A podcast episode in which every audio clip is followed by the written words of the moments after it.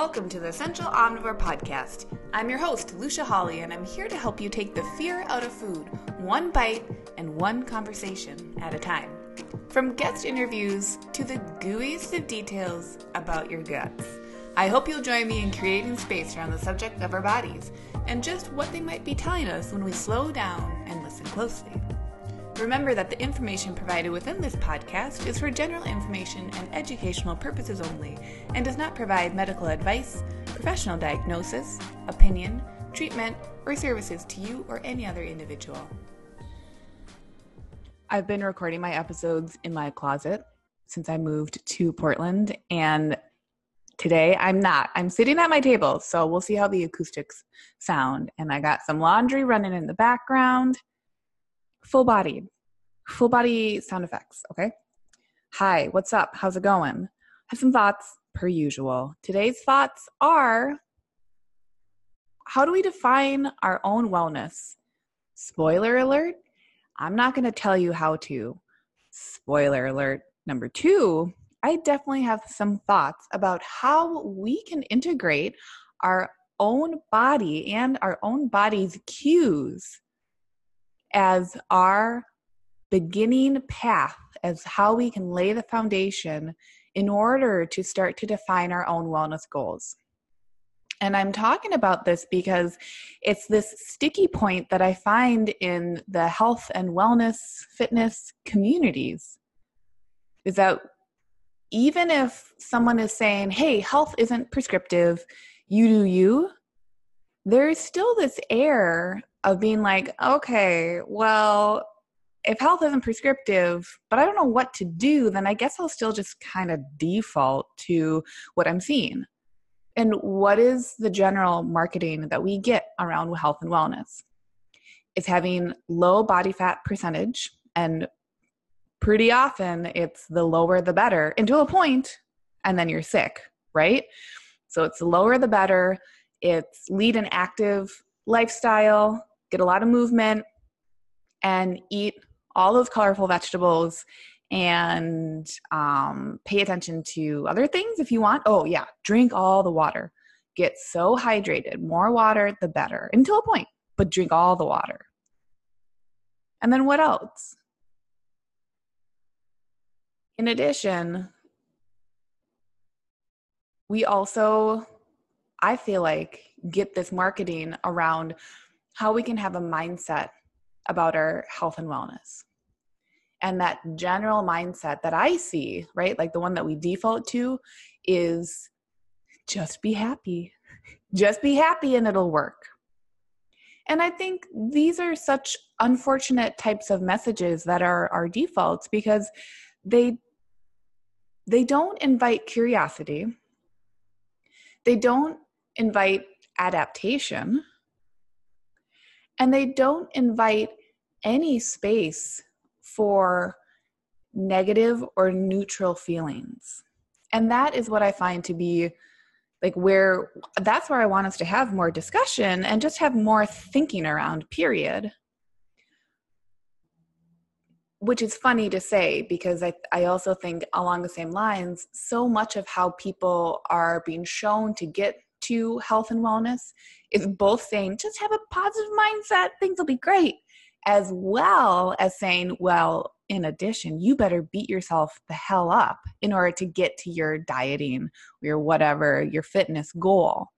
So even though there's this general marketed image of saying be really happy, be really positive, there's this underlying murkiness of, and in order to get there, you're going to beat yourself up you're going to use negative motivators in order to get yourself to continue to be motivated to get towards this oh super shiny happy goal.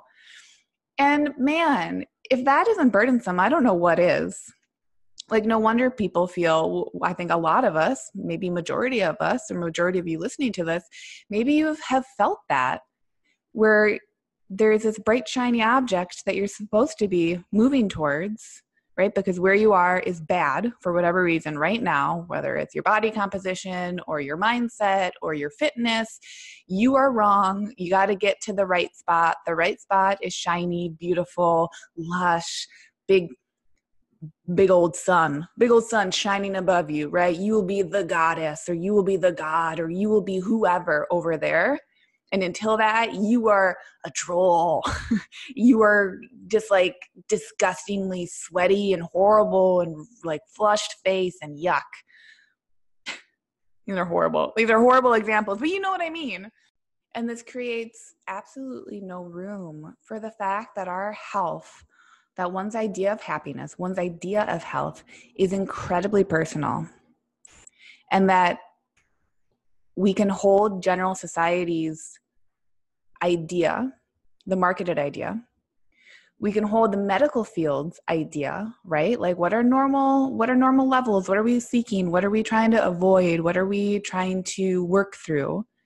We can hold all of that, but is there a space for us to be holding all of that while in addition metabolizing all that information, integrating it into ourselves, and then saying, and now, what is my output?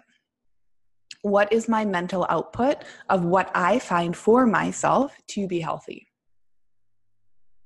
And I think this can be for people who have autoimmune conditions, I think this is a dialogue that is actually talked about a little bit. I think there's a uh, a lot of different paths people can go down, especially when they find online communities around autoimmune autoimmunity and autoimmune support. So I I obviously could never speak for anyone and everyone, but what I have found is that there's a little tweak, there's a little bit more of a dialogue around defining your own health and wellness, around the autoimmune community because people because it seems like people have had to step back or they've had to rejoin with what their body is signaling to them and they've had to almost like grab hold of their body's hand they've had to join forces with their bodies and say hey i see you i hear you fuck i feel you and instead of having this goal that greater society has well greater society in like across the spectrum isn't going to have the same autoimmune condition I might have. So because of that, I now need to take that messaging and personalize it somehow. So I think there can be more little bit like a little bit of a like a shiny just a little tiny scope a little pin light of that dialogue around autoimmune conditions and i'm sure in other communities as well that's the one that i have a little bit more experience within it's unfortunate to me that our greater culture is still pushing for such an image of health in such an unhealthy way. And even when I say that, you know, that unhealthy way where I'm ascribing good or bad to something like a negative motivator, the reason I ascribe to, and why I find those to be negative things is because I what I'm seeing is that people feel like they have to. They feel like they should do all these things and it isn't coming from this place of personal choice. To me, that is the end all be all of seeking health or seeking wellness or seeking happiness. It's not saying, cool, I'm going to be sunshiny, I'm going to feel amazing all the time. There's no way. Like, that's a fool's errand. Good luck. Really, seriously, good luck on that. It's instead saying, well, have I been able? Have I recognized that there are choices I could be making? And when I clear out the noise, what are the choices that bubble to the top? Or when I clear out the noise, am I able to explore choices and see how they resonate and fit with me and my needs individually? Because when we come from there, that all that is reinforcing is that we have choices and we have autonomy. And those choices and autonomy can bring us to whatever conclusion we want. So we might come to a conclusion, say, well, you know what? I really enjoy feeling like a victim. I really enjoy motivating myself through negative actions. I enjoy what I've been doing and I want to continue to do that. And I say, hallelujah, good for you if that is what you want to be choosing. It is just as valid choosing those as it is to say, hey, I want to be choosing positive motivators. I want to be changing things in such a way because now I recognize in either choice, in all the choices, I recognize that there were choices. And that is what slays me about the mass marketing is that it's reinforcing the idea that we don't have choices. It reinforces the idea that we're bad and our one choice is to be better. That sucks. That's so not creative. But if we can bring some of that, our own creativity, and if we can trust our own creativity, right? Because once we start to clear out that space, we're probably going to have some stuff that bubbles up that's going to change our goals or the path that we want to be moving towards, tumbling into, rolling around in. We're probably going to have those goals that come up that are different than what has been marketed to us. And that difference is what can be uncomfortable. Because that means we then have to be relying on ourselves or create a community or put in the work at the very least, put in work to make space for that. But how sweet is that?